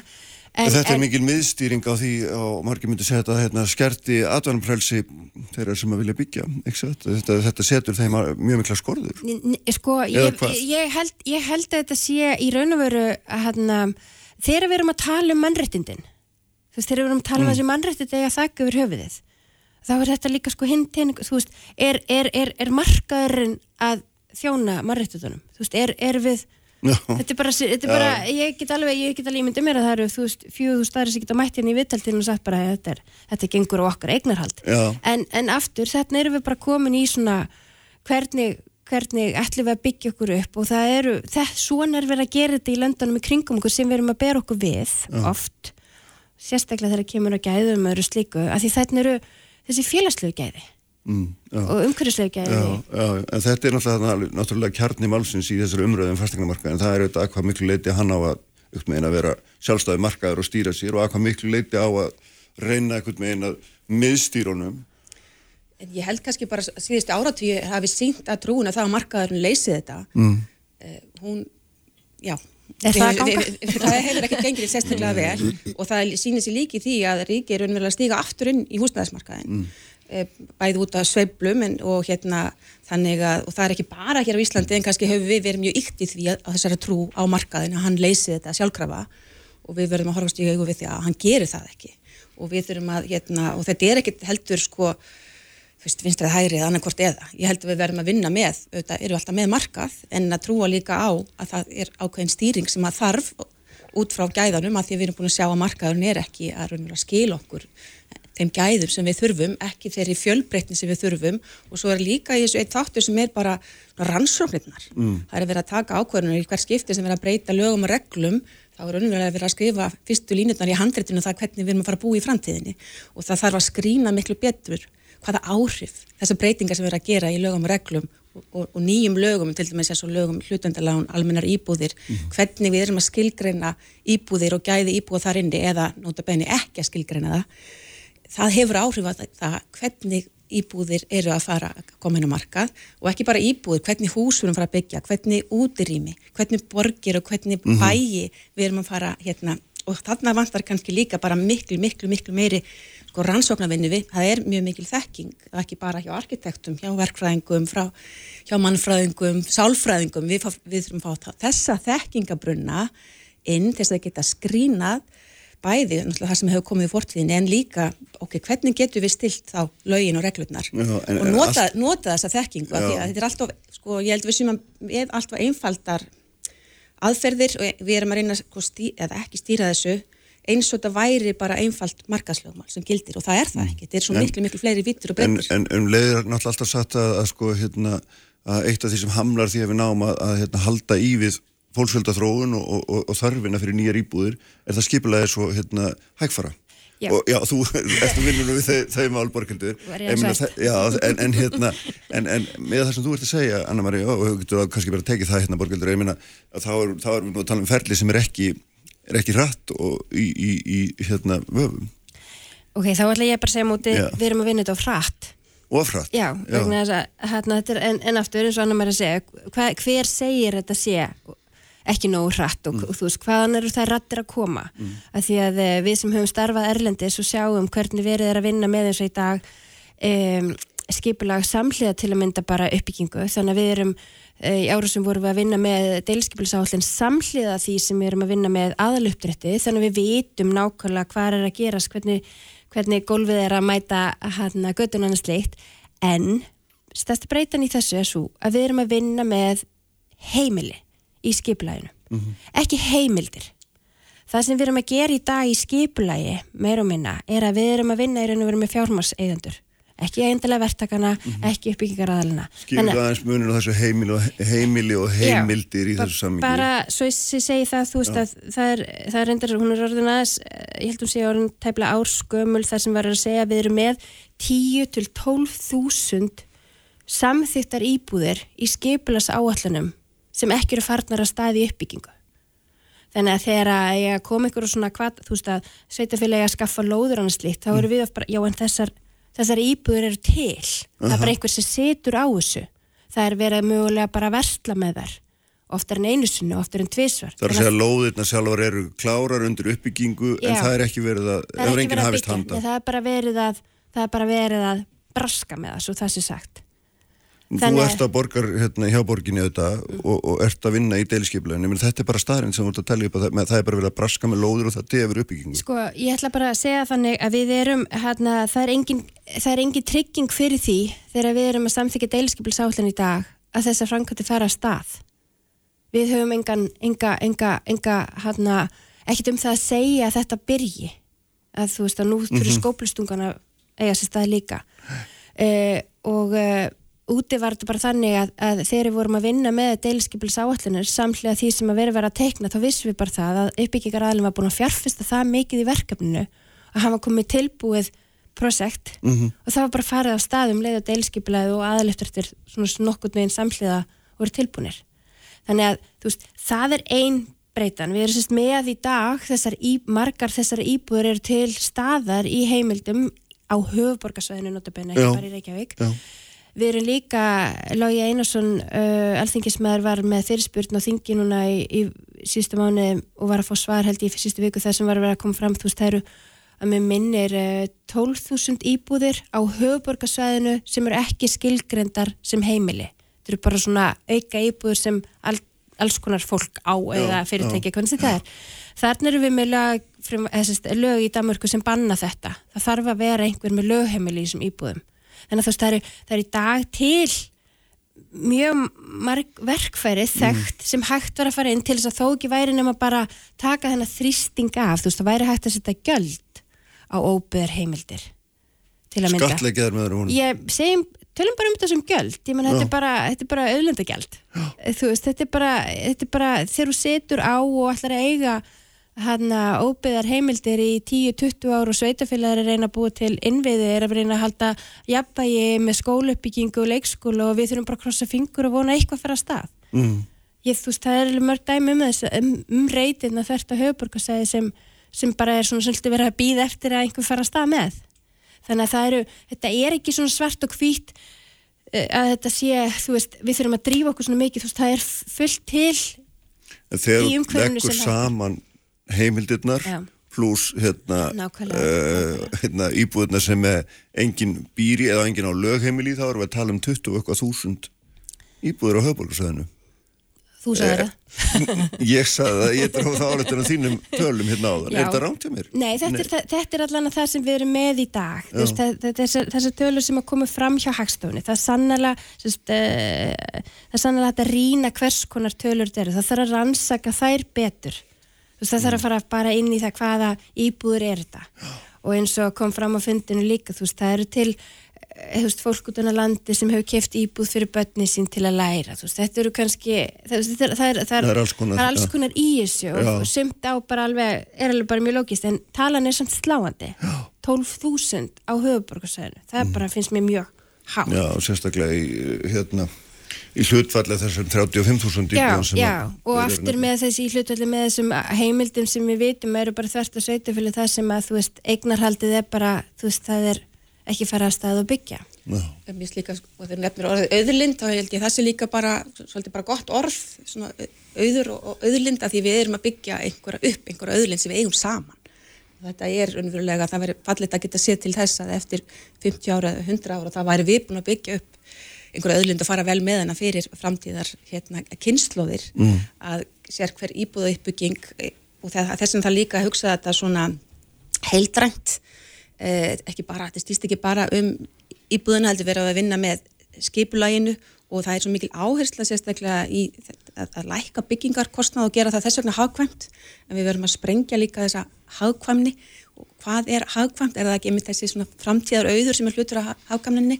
Og líka byggingarkostnað er svo takmarkaðu með að við erum að fyrir að skoða líftímakostnað sem er talsveit meiri, er ekstra kostnað og svo raunverulega sko framfærslu kostnaður fjölskyldunar það er, Ertu að segja sem það er miklu stærri breyta hvernig Já. getur hönnun, góð hönnun íbúð og gott skipulag Mhm. raunverulega lækka framfærslukostnað fjölskyldunar það er raunverulega er miklu hafkvamara í, í stóra samhenginu Mhm. heldur en sko að lækka byggingakostnað þannig að ég er að segja að við erum að horfa of þröngt á þessa íbúðauppbyggingu sem einhverja bara svona afmarkaðan stærð eða kassa sem er koma út á markað og maður getur keift og selt og skrúað upp og niður í tölunum við verðum að sko, já, vika sjóndeldarhengin, við verðum að vika já, vika myndina. Þegar við erum að tala um íbúðir og íbúðir framtíðarnar þá erum við að rúlla öllu samhenginu út.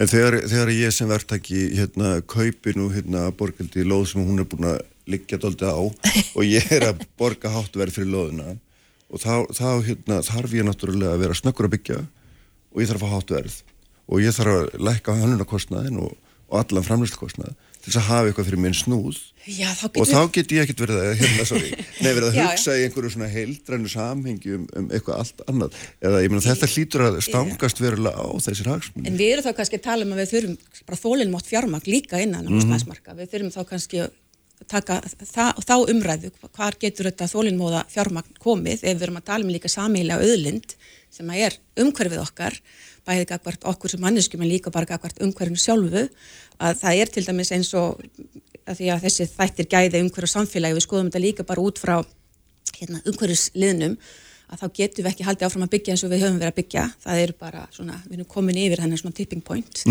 Og auðvitað kostar eitthvað að breytum stýrikerfi í heilum byggingarreðinaði og breytum hugmyndafræði, breytum það hvernig við, við vinnum og eitthvað, og ég er ekkert endilega að segja að það hinn einstakki verktaki að, að, að greiða það.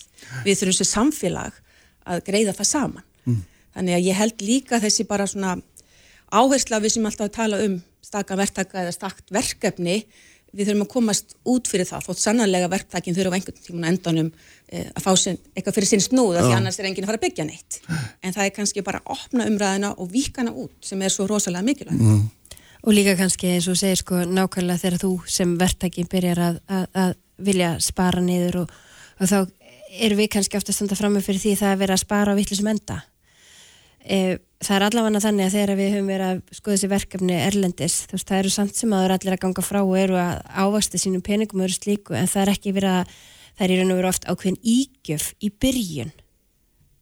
Bæði þeirra að vera að rannsaka, þeirra að vera að hanna, þeirra að vera að máta við, þeirra að vera að nýta efni, þeirra að vera að gera hlutina sem, sem síðan til langs tíma kemur betur út fyrir umhverfið, fyrir samfélagið, fyrir hinn einstaka notenda, heimilið og eins fyrir verktakan. Við erum allavega að sjá alveg þetta er hægt en, en, en við þurfum að gefa okkur tíma til þess að skoða þessa þætti. Þess við erum, sko ég, það er þessi þessi hraði sem er verið að einblýna á dag við erum alveg, við, eins og kom fram á sem fundi, þú veist, það, við erum með mjög góð fordami frá okkar eigin landi 1900, í kringu 1930-40 þegar við vorum að koma upp verkamannabústunum og Samuelsson var að gera það með, með læknum og, og, og, og verkfræðingum og öru slíku. Þú veist, þetta eru allt saman bara mjög góðar eignir í dag og hafa staðist tímast tönn. Og meðan að við erum að sjá, þú veist hús í dag sem voru byggð fyrir 5-10 ára síðan og þau eru bara farin að láta á sjá að því að hraðin er það mikill steipan þarf að þotna veist, það er, meina, það er, það, er, það er eina, eina, eina forsendum fyrir því að því tala um þetta er að við höfum ekki verið að byggja nægilega vel á svona þessum hröðu uppfasta tímu síðustu ára eða hvað. ég sko við erum náttúrulega bara í þessu viðbræð og það er einhvern veginn eins og, eins og þessi, svona, þessi fjárhærslu og hagsmunir hafi fengið að vera ofan á í umræðinu sem gerir það verkum að þetta þarf að ávast þessi, þetta þarf að, þetta þarf að ganga svo hratt að því það er svo mikill. Á meðan að við sem, sem við vinnum við þetta á mörgum stöðum vitum, það eru þarna úti eins og ég var að segja, það eru heimildi til staðar það eru íbúið til staðar. Að við gefum okkur tíma og þá saknaði þess alltaf að við séum að svona leif okkur að dýfka umræðina hvernig borg og bæi ætlum við að byggja? Já, nákvæmlega. En sko, hvað með, hvað með bara svona, ég veit ekki hvað að kalla, bara ódýrari byggingaraðferður? Þú veist, eins og, eins og sem er talað fyrir bara, Já, en þá eru aftur ódýrar hérna núna, ódýrar Já, eftir 5 já. ár eða ódýrar eftir 10 ár. já, já, já. Eða já, 100 þú ár. Já, já, veist, þetta það er að hrúa hérna forstiftum einingum eða ég veit ekki, ég kann ekki inn á þetta nákvæmlega en, en það er að flytja inn þannig séð bara tilbúið fyrir blíð. Já, það er, það er fyllt af svona tilhörnaverkefnum og það er mikið að gerast líka í bara þróum að nýjum byggingarefni og þurfum við líka að fara að hugsa staðbundið byggingarefni og það eru spennandi dæmi að vinna með hamsteipu og fleira þannig að það er ýmislegt sko, en það tekur líka tíma. Ég held að sé enginn sem vilji sjá að við hérna riggum upp bara fullt af ódýrum íbúðum að því við erum einhverju panik. Ég held að það sé ekki, þótt að það geti verið einhver svona hluti af því, en það er líka þegar spyndi af hverju erum við alltaf í einhverju panik? Af hverju kemur, að því að það maður segja við sem hafa verið með húsnæðis greppu í síðustilinu 100 ár. Það er alveg sama hvað maður svona dreipur niður í, í, hérna, í sögunni eða ef maður skoður bara hérna, dagblöðin, það er alltaf húsnæðisvandamál. Og ég held að við hefum ekki verið nógu góð að sko, taka utanum þessa reynslu okkar, góðu dæmin. Af því þetta eru líka reynslu vísindi, til dæmis eins og breiðholtinu, það var verið að byggja upp húsnæði þar í ára tugi og það var einhvern veginn í hverjum fasa þá lærðum við eitthvað. Og svo te- tel ég að við höfum skilið svolítið eftir þess að svona þekkingu þegar við komum nær aldamótunum og áherslan fyrir að verða fyrst og fremst á fjármagnið og, þá, og, og það er kannski það sem við þurfum að koma og ég sé, þess vegna er ég vongóð í dag eftir hérna fundsérstaklega, ég, ég hef tilfinningu fyrir að við erum að koma gæðanum aftur inn, inn í umræðina. En var einhver frá fjármagninu sem að samþýtti þetta? Það var reyndar hérna fjármagnið var til staðar á fundinu, það var kannski ekki alveg í panelum, en þannig er svo samt svo líkilatrið sem þú komst inn og aðan þegar þú sagðir, þú veist, ódyr íbúð. Að því að, sko, við getum farið að rætt steipuna og efnið og timbrið og, en, þú veist, er ódyr íbúð hvar er hún staðsett, hversu nálætt er hún vinnustæðinu, hversu nálætt er hún almennissamgöngum, hversu nálætt er hún grænum uh, hérna, görðum eða slíku. Veist, þarna eru inni þættir sem við vitum bara að veist, það er ekki ástæðilausu það var til í Danmarku orðið hana gettolaugin á sín tíma vegna þess að það var verið að afgett og væða hverfi sem voru byggð sannlega bestast þeim tíma sem var mikil, mikil metnaða lagður í það að þarna ætti að koma upp bara mjög miklu magni á mjög skömmun tíma.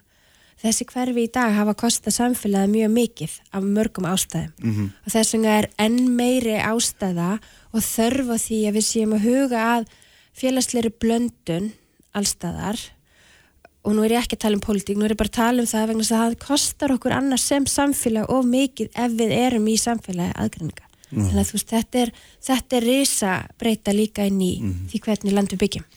En svona megin skilabóðin eru þau að hérna, þvert á það sem flestir hafa sagt, við þurfum að fara hraðar þá viljið því fara hægar. Já, við viljum bara fara vel. Já, það er kannski líka bara með þess að sóum, tala um þetta ódýra, því við erum kannski komið með þann skilning í flestum þáttum að við erum, viljum ekki kaupa drasslmat, við viljum ekki kaupa fatna sem við viljum fara að henda, við mm. viljum, sko, sko auðlindu jarðarann er ekkit endalausar.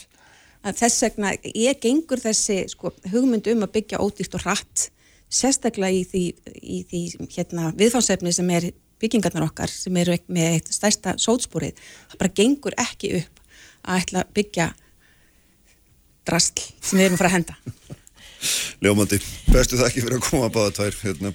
við höfum för með þau skilabóðskýr það gengur ekki að byggja drastl, það er alveg klárt Herði, hérna Látum þessu lokið, Hilmar Þór Hilmarsson er hérna hjá mér eftir augnablík.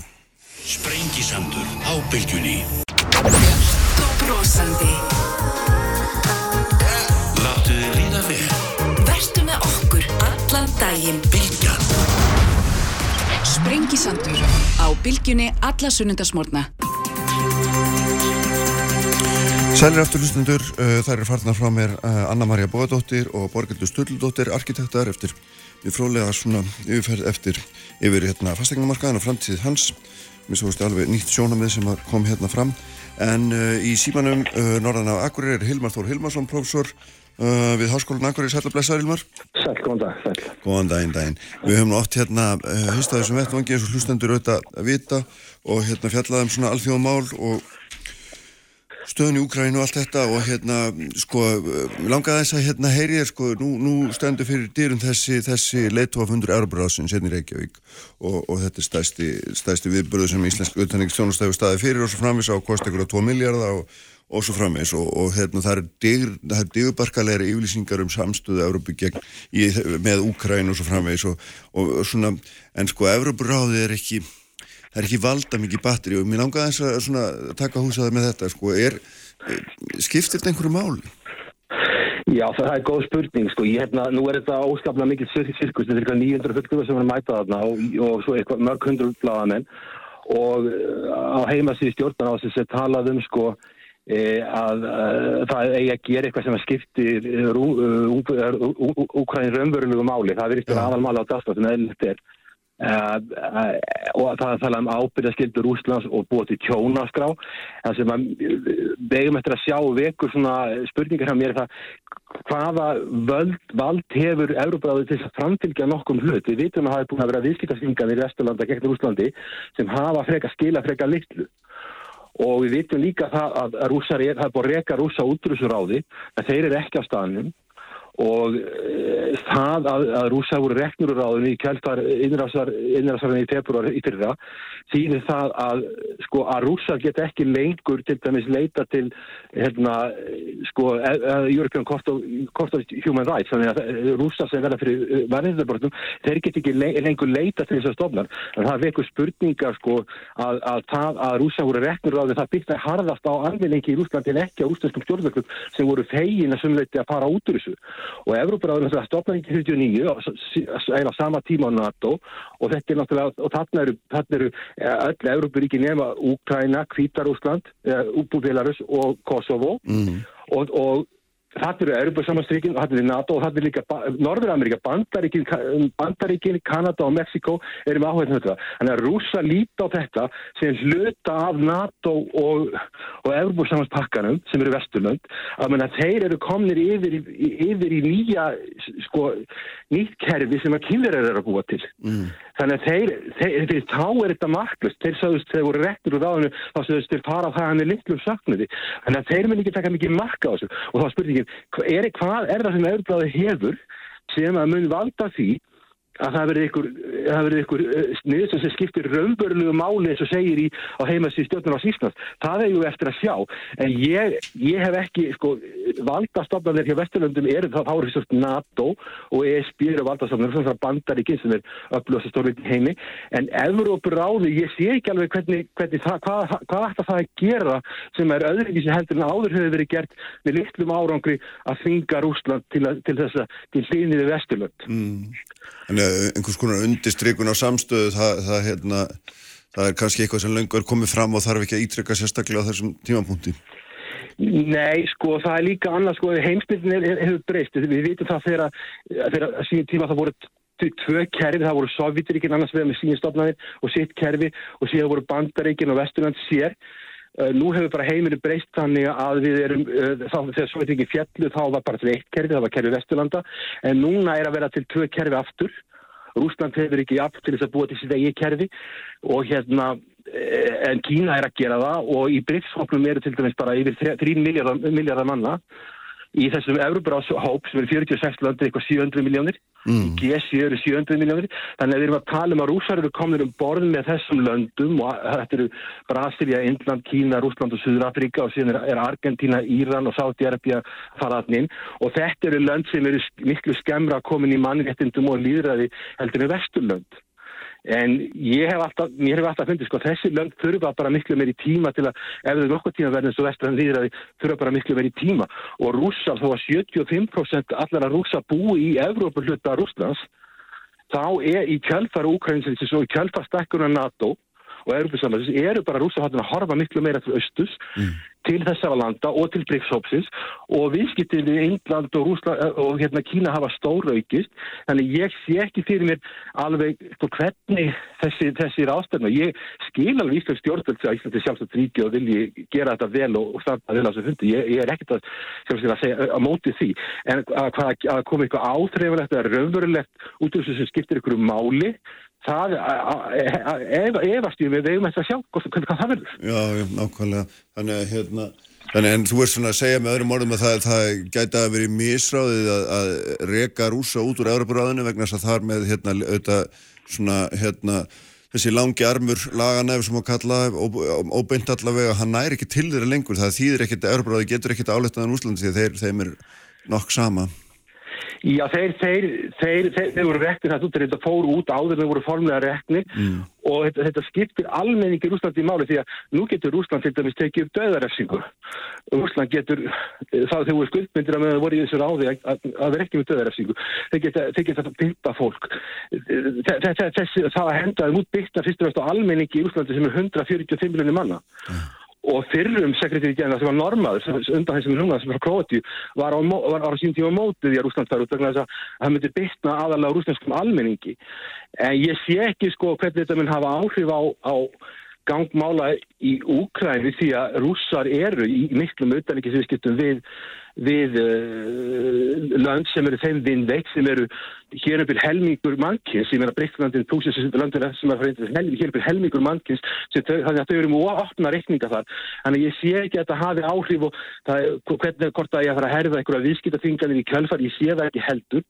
Og svo er það Úkræninsriðið sjálft að þar virðist vera svona einhver svona, það, er, það eru litla hreyfingar á výlinni að það það er lítið að gerast og maður er svona fyrir að, fyrir að skjóta maður, maður, maður sér þess að þetta getur haldið áfram þess að þetta ekkur ár enn og maður fyrir að ímynda sig getur þetta enda kannski eins og Suður og Norður Kóri að þess að stríði bara deyr út smátt og smátt og, og sem er, er, er, er ekkit gott fyrir Úkræni en ég sé ekki fyrir mér og það sem ég er að sjá að Úkræna sé að ná að rekja rúsa alveg í burtu og, rúsa heldur ekki að þeir, þeir get ekki hreitt í mikið meira en rúsar eru búin að ná þarna austurhlutanum og svo krím og þar eru búin að ná mjög stórun hluta gas og olíuauðlitum af Úkrænu þannig að, og, og efnahagslöksugu hérna grímskans þannig að, þannig að sko staðan þar er ekkit góð. Ég, og svo er líka annað sem ég er velta fyrir mér það er það að að sko fyrir Vesturlöndum, það, það vist verið ákveðið svona hika á Vesturlöndum að, að, að,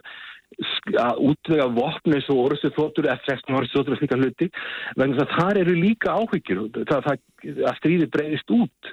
Til dæmis getur, getur stríði breyðist út, það getur átök við Póland vegna þess að vopni er að koma þar í gegn inn í Úkrænu, Kvítarúsland, það getur verið átök með Pólans og Kvítarúslands, nú er Rúsland búið að setja kjarnökuvopn inn í Kvítarúsland sem er skil skilaboð frá Rúslandi að mm. þeir eru með kjarnökuvopn inn í Kvítarúslandi, áður var stefnan að hafa kjarnökuvopn eins og fá- eins fáulöndum eins og hægt var og síðan er það líka að kýmbir að drægi smátt og smátt inn í stríði, það er eitthvað sem Vesturland hafa áhugir af, fara að skaffa vopn, þeir hafa séð Rúslandi fyrir, fyrir fjármagnir, það er gríðarlega mikið auðverkisviskiti þannig að þeir eru að, eru að fjármagna Rúsland uh, mikið, þannig að, að það er eitthvað sem að getur valdið áhugjum og svo líka ef að Rúsland tapar stríðinu, ef að það myndi gera sem ég held að þetta sé mjög hæpið að ef það verður upplust í Rúslandi þá erum við að tala um land sem verður með kjartunguvopna næst stærsta eða stærsta í heiminum og það hlýtur að valda áhyggjum þannig að ef maður horfir á stríðinu eins og er í dag þá er ekki mikla hreyfingar á víluna þetta er svona Það er mikið, mikið hérna beðið eftir einhverju, einhverju svona,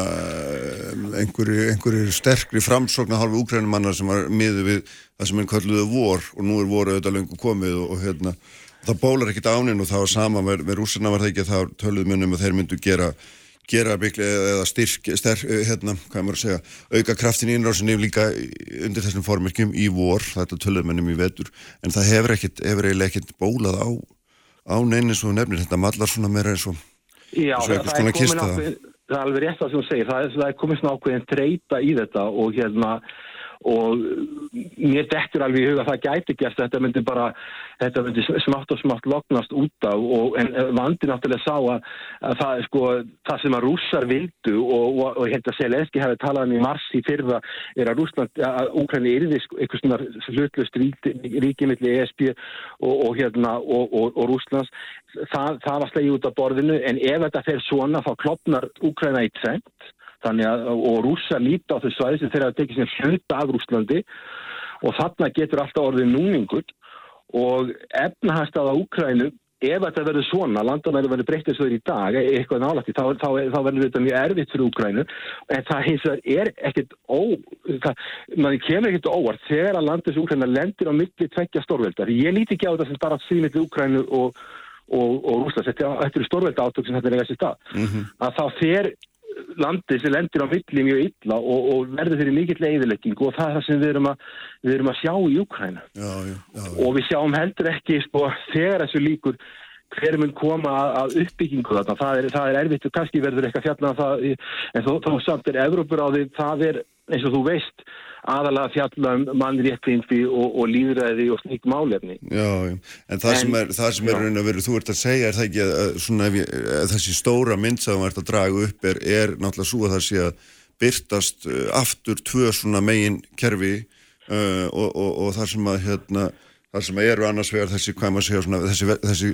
þessi, klassísku, þessi klassíska vestur-Európa og, og, og, og, fylgin hættir hennar og, og svo þetta uh, Bandaríkin og Kanada og, og hérna þær þjóðir og svo hins vegar er að þessi BRICS-ríki þar sem að eru, þar sem er allt annað skilningur á einmitt nákvæmlega þessum hugtökum líðræði og mannréttindum og, og þess áttar hérna og því öllum. Já, það, ég held að það sé, það sé það sem er að gerast. Við erum að sjá þessi lönd vinna saman sem eru komið miklu skemur í mannréttindum og, og, og, og, hafa önnur gildi en við og eru ekki með eru með og mjög ófullkomið líðræði og þau þurfa bara meiri tíma. Og ég er ekki til sem að þau verði nokkuð tíma eh, svona líðræðisríki í vestrænum skilningi, maður veit það ekki.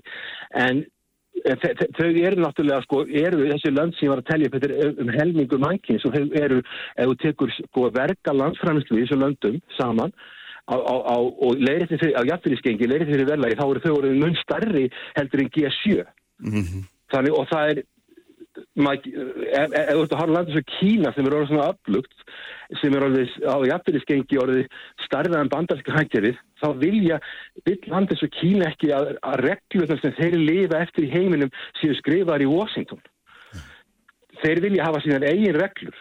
Þannig að ég held að sko, að, eða bara Evróbráði samþykir uh, fordæma Rúsland og svo framvegis búa til tjónaskrá og Já, hérna krefjast þess að, uh, þetta veri, þetta veri bætt. Þa, það verður, ég, ég sé ekki fyrir mér að það hafi neinn tæki til þess, að, til þess að framfylgja þessu. En þetta, eins og þú sagðir þá, þá hérna, getur þetta sér fundur orðið til þess að efla enn samstöðuna í Evrópu og það, það getur skipt máli frá það tákgrænt gildi. Já, en þetta er kannski ekkit ósvipað því þegar, þegar menn er að veifa hérna, alþjóðadómstólunum í, í hag, glæpadómstólunum yfir hérna, hö- höstnum á Putin að hann, meðan að rússar er ekki aðil, aðil, aðilar ánum að þá hérna, þá nær það ekki langt. Nei, það er, er tilgangslöst í sjálfu sér að fara, sko, í Rúslandi er kjarnakvöld þú ferði ekkert og sækir Putin og dreifur hann fyrir dómstól og það er bara ekkert að fara að gerast. Og Putin hefur mjög öfluga bandamenn. Viðskipta þingdaginn og slíkar aðgerðir og svona aðgerðir döga ef að þú ert með mjög breyða alþjóðlega samstöðu. Hún er, það, þetta er klopning sem segja, þetta er klopningur vesturlönd og síðan lönd sem hafa, hafa eru í samstæri við Kína og það er, það er ákveðin vandi. Þú tekur að, að þar hefur úr sem ekki verið hent út, þar eru þeir innan dýra Þeir eru með sér fórustu núna fyrir örgisráðinu eða ekki. og þe á þeim vettvangir sem lesin pistillin sko og fá, fá skammir og það er spurningin hvort, að- hvort að það hefði verið betra að rússar væri áfram í öðrubröðinu og þeir fengju sko mjög skýr skilatró frá öllum þessum löndum uh, að, að þessi staða sé algjörlega óvinnandi og, og, og, og fordæmingu á stríðinu. En þessi leifa valina að henda þeim út. En ég held sko að að það sem vestræna stofnanir sem eru undir fórustu NATO eru samfélagsins bandaríkjana þá ekki mikið hljómgrunn í Rúslandi eða í Kína, það við vitum það alveg. Þess vegna er þetta, er alltaf þetta að tala um það þegar, bandaríkinu og ekki koma saman þá og í NATO þessi sér þetta í NATO fundagerðum aftur og aftur að fylgja þessari rule-based international order sem að samin eftir setni heimstyrleitina NATO stofna 49 Euróbráði líka 49 Já. og svo ev- ev- koma Európa-sambandi í kjálfarið Þetta er bara hlægilegt. Þeir, fara ekki, þeir, þeir, þeir, þeir, þeir, þeir, eru í algjöru anstöðu. Takk fyrir þetta Hilmar í dag. ekki Hvað sér Já, takk fyrir þetta í dag. Við verðum að láta lokið. Bestu þakkir. Blessaður, blessaður. Bless, bless. Og sprengisandinum lokið í dag. Verðum hérna aftur með ykkur eftir viku við Ívar Dávið Haldursson. Við erum sæl.